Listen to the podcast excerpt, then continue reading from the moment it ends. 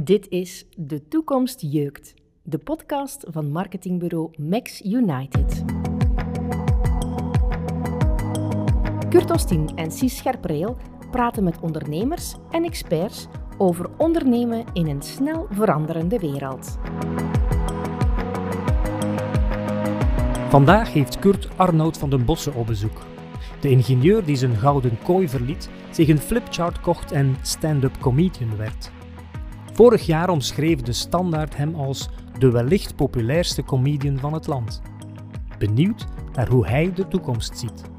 Als er één ding is dat ik geleerd heb, is wil, wilde ergens uh, geld verdienen, dat is doe iets wat een ander niet wil doen. Hè.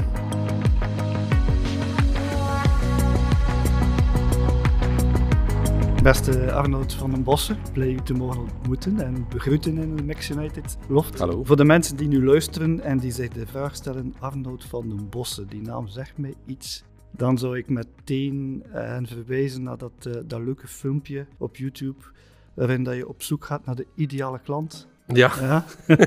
en daar de draak steekt met marketeers, Ja. die vijf jaar unief nodig hebben om te snappen dat die ideale klant iemand is die dom is en veel geld heeft. Ja, ik vind het een fantastische sketch. Maar eigenlijk, je speelt met het idee om zelf met een podcast van start te gaan. Is dat door, dankzij, wegens corona, of speelt het idee al langer? Wel, laat ons zeggen dat corona wel een accelerator was. Het is, het is een, een, een medium dat, dat, dat mij aanspreekt, omdat ik er eh, zelf vaak naar luister. In de wagen dan. Ik vind dat iets hebben. Het is ofwel heel intiem. Ik heb al verhalen beluisterd, ik heb al interviews beluisterd. Gewoon leuke dingen. Ik heb daar ook dingen uit geleerd, puur praktisch dan. Ja, ik vind, ik vind het een boeiend medium ook, denk ik, omdat het iets kan toevoegen aan wat ik doe op het podium. Dus ik heb gezien met, met corona dat eigenlijk dat toch niet onhandig is om naast iets dat je offline doet, ook iets online te hebben. Al is het om een binding te houden met je publiek of, of je creatief te kunnen eh, ontplooien. Die podcast leent zich daartoe. Met dat je enkel geluid hebt, hoop ik dat het technisch minder moeilijk is dan een YouTube-film te maken. Dat kan nog tegenvallen. Dat kan te- ja, dat heb ik al gemerkt, dat kan tegenvallen, ja. En qua inve- begininvestering Ja. moet dat ook meevallen. Maar je bent ook fan van, van Lieve Scheire bijvoorbeeld? Nerdland? Ja, absoluut. Ja, absoluut. Ik vind Lieve Scheire zo iemand die echt ook wel die podcast gebruikt om van zijn, zijn levenswerk, wat ik dan zou noemen, wetenschap op een eenvoudige manier bij een breed publiek brengen. Ja, Dat is zijn missie. Heb jij ook zo'n missie? Eh, ja wel, die, die, die ben ik nu meer aan het vinden ook zo. Allee, ja, ik merk dat ik eh, zoekende ben. Het zit ergens in mij, maar het is nog niet volledig gekristalliseerd. En ik denk met die podcast dat dat ook ergens kan lukken om dat te doen. En je hebt het voordeel met een podcast van, stel al heb je maar vijf luisteraars die je goed vinden, je hebt dan toch iets gedaan. Terwijl als je op het podium staat en je staat voor 500 man en zijn er maar vijf die je goed vinden, heb je een probleem. Snap je? Dat is een goede uitgangspunt. Ja, dus wa- die van Lieven is ook gegroeid. Hè. In het begin was dat ook een geklungel met techniek en zo. En, en eh, ja, daar heb ik gemerkt van...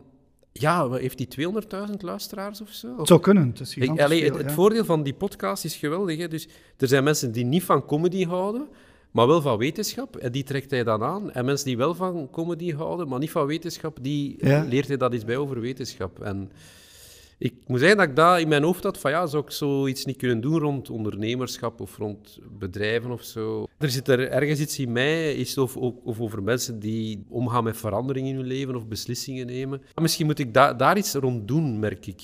En daarom is het podium daar geen goede plaats voor, maar misschien wel een podcast. En wanneer denk je dat de eerste podcast zou kunnen? Ik heb al een interview gedaan met iemand, maar dat was eigenlijk niet goed verlopen. En nu ga ik eh, deze donderdag nog eens een interview doen. Ik, ik werk zo op een manier, hè, dus ik zie eh, op elke as dat ik iets moet leren. Hè. Is iets leren omgaan met de techniek, is mijn, ook mijn techniek zelf moet iets kunnen. Dan moet ik leren interviewen, ik moet leren editen. Al die dingen moet ik leren. En ik ben eerst begonnen met van, kijk van, eh, kan ik omgaan met mijn techniek? Ik heb dan gewoon een vriend gevraagd die veel over China weet. Van, is te vertellen, ik heb een interview gedaan over verschillende zaken. En eh, dat interview zelf was niet zo belangrijk, maar gewoon van bij- hoe ben ik als interviewer en hoe ga ik om met mijn, mijn technisch materiaal. Want ik heb gemerkt als ik vroeger filmpjes maakte, dat je, als je het zelf doet, zijn zodanig bezig met, staat mijn geluid nog aan, is mijn camera, sta ik nog in het licht, Eh sta ik niet uit beeld, dat je eigenlijk niet meer... Spontaan bent. Nee, Ja, ja. En, en dat moet ik nu vinden ook. Wel, misschien een tip die ik al kan meegeven. Ik zou in de podcast eh, Engelse termen vermijden. mijn, Ja. mijn tenen gaan krullen van die podcast waar mensen zich interessant willen maken, er zoveel mogelijk van het Engels vakjargon uit te pakken. En ik las dat je ooit zelf eh, de functie had van senior bid manager. Senior bid manager. Ja. Dan moet je toch eens uitleggen wat dat dan juist was. Eigenlijk, grosso modo komt dat erop neer dat je offertes doet die niemand anders wil doen, omdat er veel papierwerk is. Oké, goed. maar bidmanager, maar eigenlijk was dat complex. Het was niet senior bidmanager, het was complex bidmanager. Wat was dat? Omdat ja, dat was bij een telecomfirma en je hebt vaak of een offerte voor internet, of voor een, een netwerk, of voor telefonie.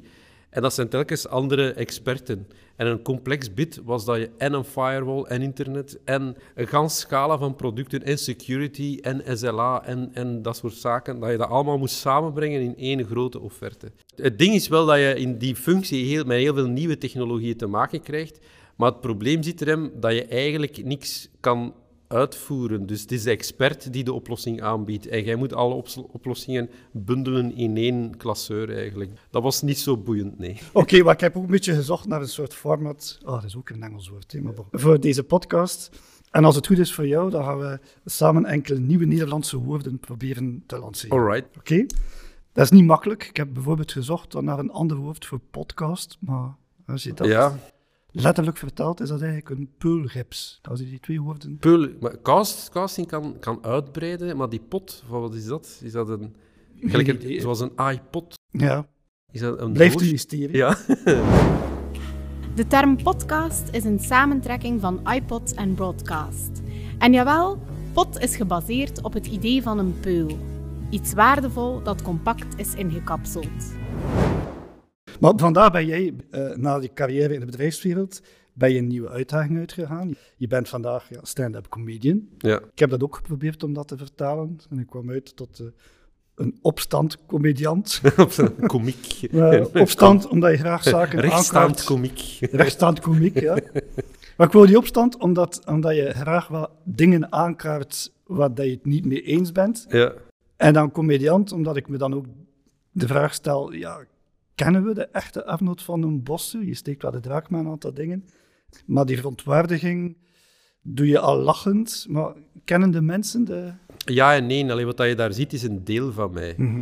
Eh, dat is ook zo'n beetje zoals Mr. Bean, dat is ook een ingenieur, maar je ziet ergens een deel van hem, een onhandigheid, dat hij volledig uitvergroot. Dat, dat zit in hem, maar van de rest weet je eigenlijk weinig. Eigenlijk, hè. Dus ik, ik merk dat. Ik denk dat dat een groeiproces is. Dat voelde misschien veilig voor mij om dat te doen. En, en ik was ook misschien meer die persoon als ik die, die act maakte op dat moment. Eh, ik voel nu wel dat er bij mij meer een nood zit om andere delen van mezelf te tonen. En misschien is dat ook de reden dat ik een, een podcast wil ja. doen, om juist niet die workshopleader te zijn of die, die met zijn eigen theorieën. Dus ik denk dat dat eh, ergens... Ik voel dat dat, dat misschien ook de reden is dat ik iets wil bijbrengen, maar ook mezelf op een andere manier wil ontplooien en andere dingen van mezelf wil Ja, tonen. ja, ja. ja, dat is inderdaad wel dubbel. hè, Want mijn tweede, mijn tweede woordje dat ik wou Ja. lanceren, ook een beetje een bekentenis, maar ik ben ook een, een Flarden-fan van Arnold van den Bossen. Een idee wat dat, wat dat wil. Een flarden van. ja? Oh. Van is nog Engels, hè? dat, dat snappen we. Ja, hè. ja, ja. Maar eh, zoals veel mensen waarschijnlijk zo, ik heb ooit eens iets op YouTube gezien, maar Ja. ik heb eigenlijk nog geen voorstelling van jou meegemaakt. Ja. En ik denk dat er zo heel veel mensen zijn, dat merk ik ook in mijn omgeving, als ik zei Arnold van den Ja. Bossen komt. Arnold van den Bossen, ja, dat zegt mij iets. En dan blijken ze meestal wel ergens Ja. zo'n flart van jou gezien te hebben. Stoort je dat of, of Nee. daagt je dat uit? Nee, dat stoort me niet. Omdat ik kan nog altijd in de Hubo achter een paar vijsjes gaan vragen en weten echt niet waarover dat gaat.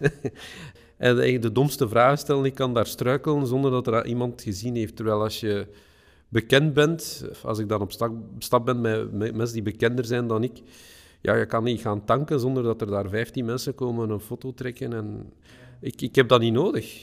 Dat hoeft ook niet. En ik vind het eigenlijk leuker van onbekend te zijn. Voor mij, die, ik heb de Lotto Arena gevuld twee keer, als onbekende. En dat geeft mij veel grotere kick dan elke dag in thuis te zitten of in elk panel en dan ja, hij is bekend, natuurlijk trekt hij vulkaan. Terwijl nu is zo van, hoe heeft hij dat gedaan? Ja, klopt. ja. Snap je? Ja, Dus ja. bij- ik, ik vertrek graag van een underdog-positie. En, en eh, ik doe graag ook zo op een andere manier. Ja, misschien zit er een innovator in mij, dat ik binnen een genre kijk van hoe, hoe, hoe kan je iets anders aanpakken. Kurt is een flarden-fan van de opstand-comediant Arnoud van den Bossen. De toon is gezet. Maar wat is de missie van Arnoud? Wil hij het groot aantal burn-outs in Vlaanderen bestrijden door werkgenegenheid te promoten? Of is het Monopoly de boosdoener? Deze podcast heet De Toekomst Jukt. We, hebben Ja. een, eh, we kijken graag naar de toekomst. Ik vroeg me ook af als, als Arnold van den Bossen dan eh, naar die toekomst kijkt en ziet wat er rond, rond hem heen gebeurt, zou ik hem toch eens wel een, een nog een nieuw woord eh, voorleggen. En dat is het woord eh, werkgenegenheid. We hebben het heel vaak over werkgelegenheid. Maar als ik naar je boek, eh, ik heb je boek gelezen, ik luister naar je sketches, die werkgenegenheid is wel echt een term die je ook niet koud laat. Als je nu kijkt naar naar de toekomst ook en hoe dat mensen actief zijn. Misschien is het wel even zijn missie, want uiteindelijk blijft altijd wel iets hangen na zo'n show. Denk ik ook bij de ondernemers. Van ja, maar Ja. er zit daar toch wel echt wel iets in dat we moeten bekijken in ons bedrijf. Of zie jij dat niet zo bepalend wat je vertelt? Goh, ik, ik merk dat mensen dat meenemen. Dat, of dat ze dat, ik, zeker in de laatste voorstelling laat ik open van... Dat is wat dat ik zie, doe ermee wat dat je wilt. En, en dat blijkt een veel groter effect te hebben dan moedwillig een boodschap te willen meegeven. Als je zegt van, ja, vergader niet te veel, want dat haalt de fut uit de, ver- uit de mensen. Niemand gaat luisteren. Maar als je toont hoe dat een vergadering verloopt... En, en, en je kleedt dat wat in en je zet er humor in, dan zeg je, ja, in, in, mensen, inderdaad, ja, dat is hoe dat wij werken. Hoe, hoe kunnen we nu zo dom zijn? En dan begint de frank, allee, de oude frank te vallen. Ja, misschien... Mensen nemen dat mee, maar eh, ja, wat wil ik meegeven? Ja, die werkgenegenheid. Ja, ik zat in een gouden kooi, hè, dus ik had, ik had een mooi loon en, en, en eh, ik had bedrijfswagen en eigenlijk moest ik wel werken, maar niet zoveel. En ik ben daaruit gestapt. Hè. Dus, dus misschien moet ik aan mensen meegeven dat je elk moment kunt beslissen wat dat je doet. Mijn, mijn vorige voorstelling ging weliswaar over burn-out. Maar wat komt er altijd op neer? Een keer dat mensen het heft in eigen handen nemen, is het gedaan. Op een, fractie van een seconde zelfs. Dat gedoe is, is allemaal gedaan. Een keer dat je zegt van, hier is mijn grens, dat doe ik en dat, dat, de rest niet meer. En, en nu stop ik ermee. ja, ik, ik ga er niet meer over zagen, ik stop ermee. Ik, ik, ik, neem ontslag of ik doe dit of ik doe dat, of ik ben een boerderij. En, en, en dan is het gedaan. Maar als jij die stap nam, zoveel jaren terug, dat is echt toch wel een grote stap om te nemen. Dat je ook de toekomst wel heel, heel fel. Ja, maar- Was dat van dag één op dag twee van, ik ben vrij? Of, of Ik heb een vrij gevoel gehad, ja. Ja. Allee, maar dat moet ook... allee, het is ook in je hoofd dat zit, hè, eh, de, de grenzen. Allee, bedoel, wat had ik nodig? Ik had een, een wagen nodig. Ik heb zo een van tien jaar oud gekocht. Eén micro en één kostuum en een flip-over. Dus voor, voor Ja. 3.000, 4.000 euro was ik er vanaf. Mhm, mhm. Ik kreeg mijn, een hele oude wagen en, en ik kon een jaar verder. Dus maar, go- go- allee, ik lees dan verhalen van ondernemers die vinden dat ze een BMW 3 of 5 moeten hebben, want allee, de klanten moeten toch zien, of allee, als ze dan een keer een klant meenemen, moeten ze toch een beetje deftig op de parking staan. Of, wat. Dus, en, en ook feit, stel dat het mislukt, ja, ik heb nog altijd mijn bagage als ingenieur, en je kunt nog altijd een knelpuntberoep doen, hè. Allee, zijn er, is er een tekort aan schoorsteenvegers? Gaat, pak dan, koop dan een borstel, een camionet en begin schoorsteen te vegen. Hè. Je gaat werk hebben. Hè.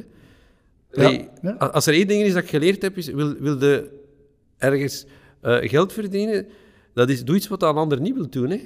Geen ene comedian wou voor bedrijven spelen. Nou, ik heb het gedaan, poef. En ja, dat is mijn redding geweest, met een basis. Dat, dat geeft een enorm comfort. Hè. Ja, ja. Ik kan me dat voorstellen. En uiteindelijk met een thema waarbij ik me dan de vraag stel, als je dan voor een bedrijf staat, dat je, met de voorbeelden die je geeft over, over management, Ja. hoe vaak dat, dat fout in elkaar zit, eh, is er dan soms geen pijnlijke stilte ook bij? Oh ja, ja, ja. maar meestal wel kan, hè. Meestal wel Ja. Ja, maar... Allee, ze weten... Meestal, wie, als ze mij boeken, weet het management of de eigenaar van het bedrijf of de voorzitter of wel waaraan dat ze aan toe zijn. Allee, meestal hebben ze eh, mij ergens anders al live gezien en zeggen ze, die moet ik ook bij mij hebben. Ja. Vroeger deed ik nog vergaderingen vooraf met van wat dat er gezegd en niet mocht worden, maar dat doe ik allemaal niet meer dan. Geen censuur. Ik hoor ook in jouw shows die man-vrouw verschillen, dat speelt ook altijd mee. Uh, op het einde van je boek zeg je ook, vrouwen zijn betere managers. Dat trekt mij wel aan, want ik heb ooit zelf een boek geschreven met de titel De Prinses op het Witte Paard, over de vervrouwelijking. En daarin hebben we ook de term gelanceerd, het, het einde van het monopolie. Het monopolie van het mannelijk denken. Denk je dat we daar de goede richting aan het uitgaan zijn? Denk, denk je dat die, die evolutie, die vervrouwelijking, Zeg, Eerlijk gezegd niet. Ik vind dat nu, ik, ik vooral duidelijk, ik vind het goed dat mensen die talent hebben, mhm. dat ze doorgroeien, of dat man, vrouw, of, of welke kleur dat ze ook hebben, dat, daar gaat het niet over. Maar ik zie nu een, een beweging die totaal doorslaat.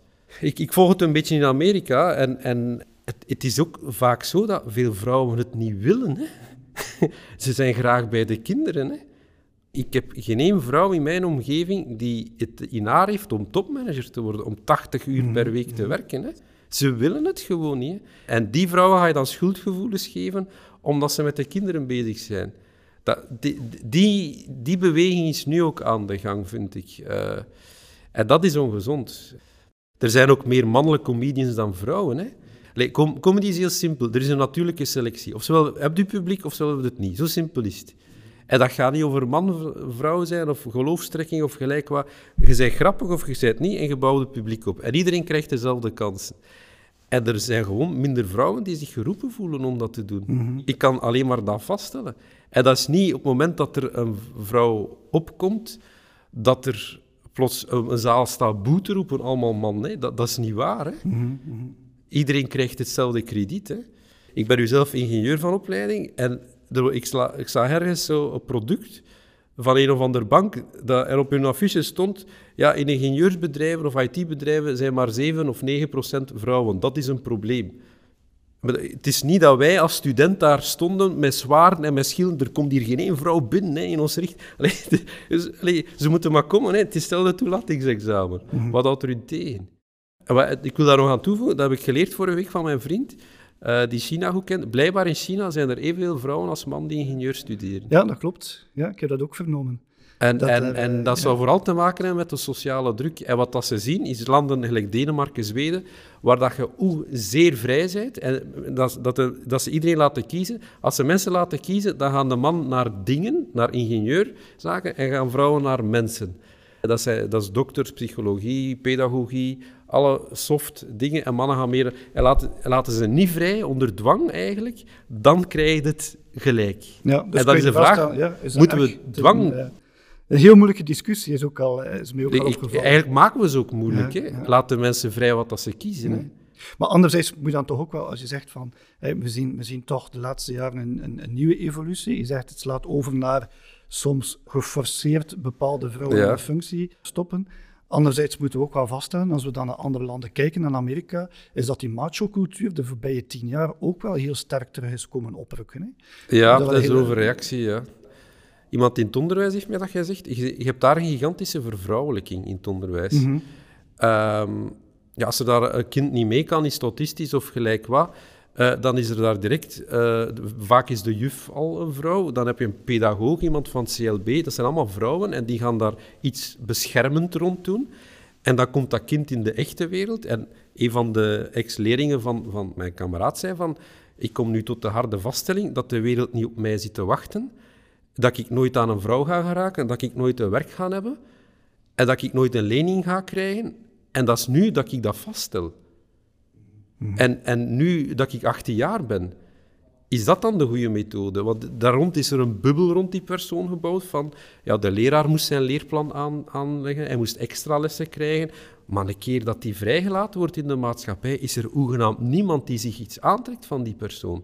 Is, is dat dan de goede aanpak? Dat bijna bemoederen van, van iemand die wat afwijkt of wat zwakker is. Terwijl je zou kunnen zeggen, ja, heb, heb je dat, leeft ermee leven en, en toonde wat karakter en, en doet er iets mee. Ja, ja, ja. Dat is, ik vind het niet zo simpel. Hè? Nee, het is duidelijk niet simpel. Of het nu mannen of vrouwen zijn, het publiek van Arnold van den Bossen bestaat vooral uit mensen uit de ondernemerswereld. Schuilt in Arnold een slimme marketeer? Misschien terug naar die toekomst en, en een beetje persoonlijker naar, naar jou toe.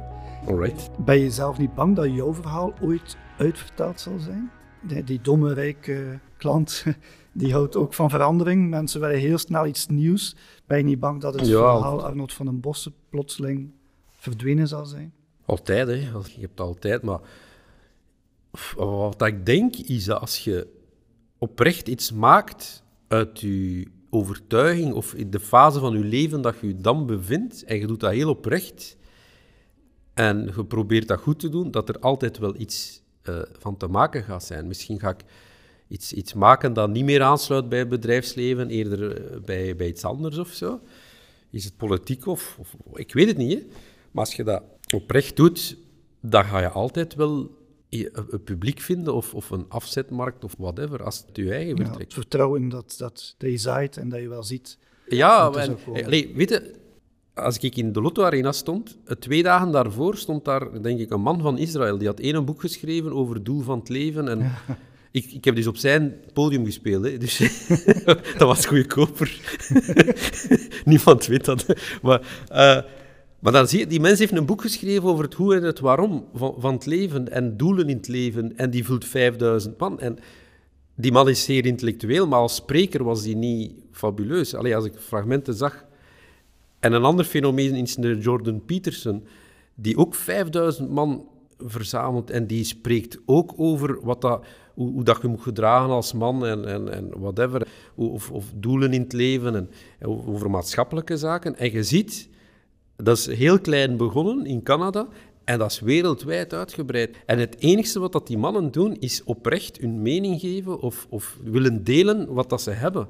En denk, als je dat blijft doen, dat er altijd een toekomst is. Je zou kunnen zeggen, aan een angst van, ja, mijn verhaal van, van bedrijven en burn-out, en, ja, dat gaat, gaat uitgemogen geraken. Maar ook voor mij. Mij interesseert het ook minder. Mijn ei is gelegd. Hè. Ja, ja, ja, ik kan het me voorstellen. Ja.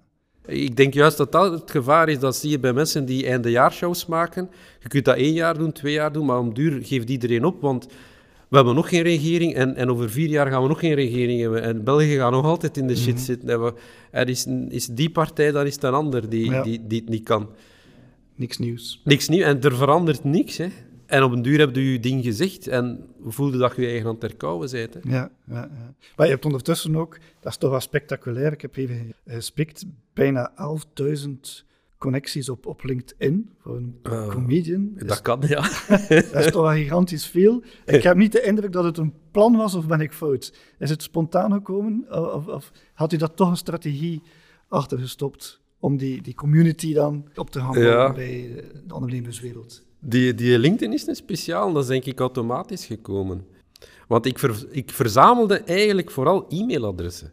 Dat zien jullie niet, hoeveel e-mailadressen dat ik heb. Ja, Oké, ah, ja, ja. Ja, dat is, bijna drie, drie keer zoveel. En, en ik heb die echt manueel verzameld na een optreden, dat mensen op een blad hun e-mailadres schreven. En typische marketing, dan kregen ze een e-book of zo, of een samenvatting. Allee, zo, zo wat eigenlijk bullshit, maar eigenlijk de- hetzelfde principe van een website. Hè. Je geeft je e-mailadres en je krijgt iets gratis in de plaats.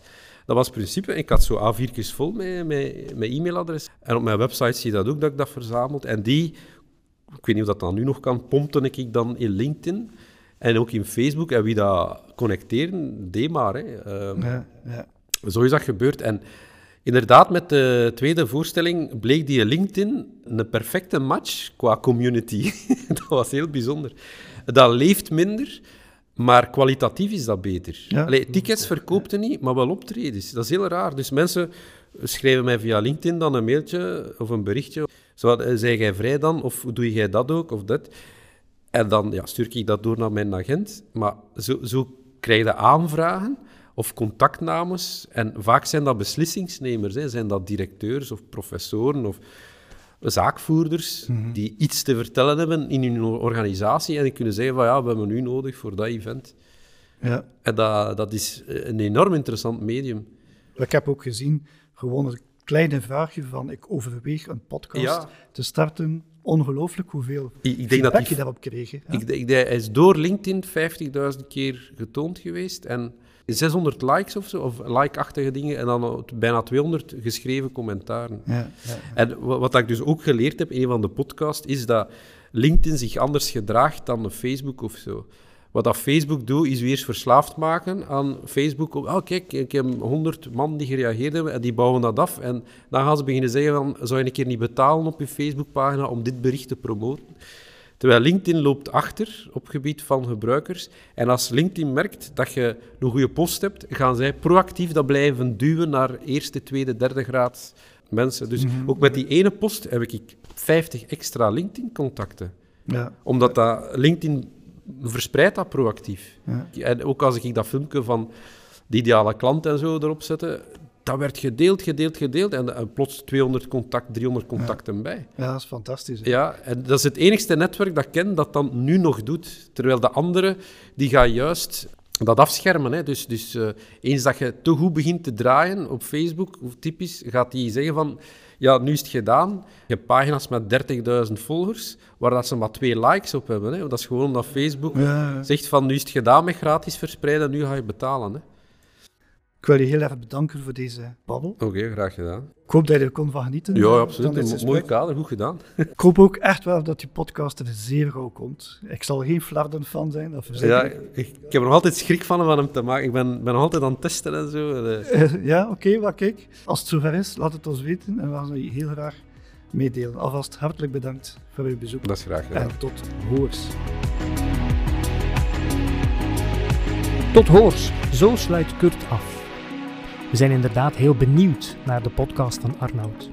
Maar in afwachting, vergeet niet te abonneren en blijf luisteren naar De Toekomst Jeukt.